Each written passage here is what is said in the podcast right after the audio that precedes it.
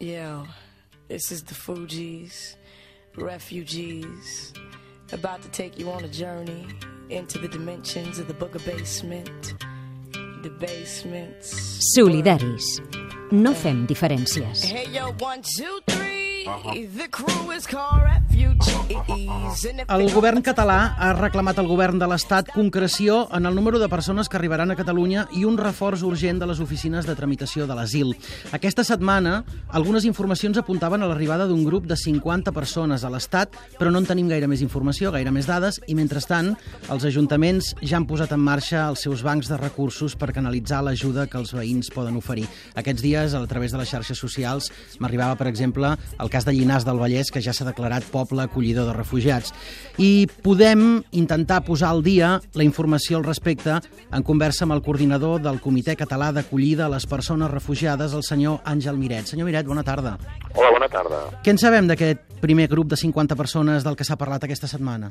Doncs no en sabem absolutament res perquè són informacions oficioses. Les úniques informacions oficials que a hores d'ara tenim és que ahir, per primera vegada del contingent aquest de les 150.000 persones, diguem-ne que estan en aquest moment eh, A l'espera. tots els espais dels mitjans Mhm. de comunicació, són 19 eritreus que han anat cap a Suècia. És tota la informació oficial que en aquest moment es pot donar. 19, eh? 19 eritreus que han anat cap a Suècia. I l'estat espanyol ha donat ja pautes de quanta gent donarà asil i com els distribuiran, a banda d'aquests 15.000 que ja fa dies que estem parlant?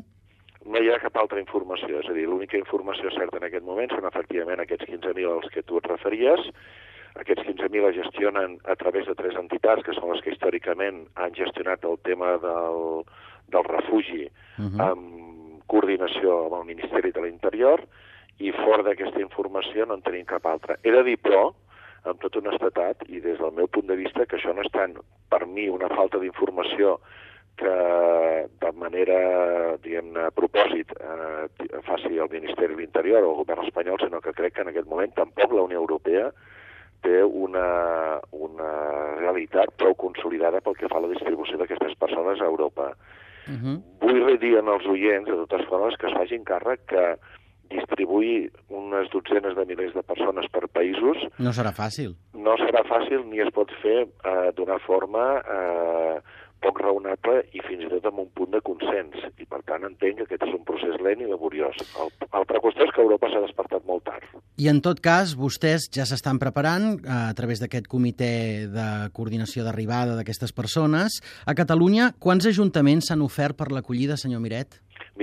Que quasi bé li diria al revés. Hauria de fer el recompte de quants no s'han Ah, ofert. ah, això és boníssim. Eh? Quants no s'han ofert? És a dir, la veritat és que la solidaritat que ha demostrat tant la ciutadania com l'àmbit institucional a casa nostra Uh -huh. ha estat una magnífica notícia. Només deixi'm, però, que li faci un comentari. Aquestes persones, ara em refereixo més a les persones que a les institucions, de tan bona voluntat, diguem, que tant poden, volen fer una prestació, tant de tipus personal com econòmica, no cal que esperin aquests refugiats. Els vull fer notar que a Catalunya tenim segurament, si més no a Barcelona, prop, prop de 500 refugiats, que a Barcelona dormen 800 persones al carrer, que en el conjunt de l'Estat hi ha entre 5 i 6.000 refugiats, i que tenim molt, malauradament, un alt nivell d'atur. Per tant, aquesta solidaritat, que jo n'estic prou orgullós com a català que sóc, però que es pot exercir avui. No cal que esperem aquestes persones, sinó que aquesta solidaritat, i aquesta és una crida que m'agradaria fer, es pot exercitar ara, quan acabi aquest programa. Es poden adreçar qualsevol de les múltiples entitats que rigorosament i seriosament treballen amb aquest tema, i per tant això mm, eh, té aquest aspecte més positiu, més del recolzament en aquestes persones que venen del conflicte bèl·lic, ajudar-nos a visualitzar tot un entorn de pobresa i de necessitat i de que aquestes capacitats que tenim els ciutadans de prestar ajut i col·laboració en aquestes persones. Ha, que, ha de quedar clar, però, que, que la gent podrà oferir ajuda de moltes maneres, no només amb un sostre si és que el disposen, o no només amb diners, i que aquesta serà una ajuda que serà a llarg termini. Efectivament.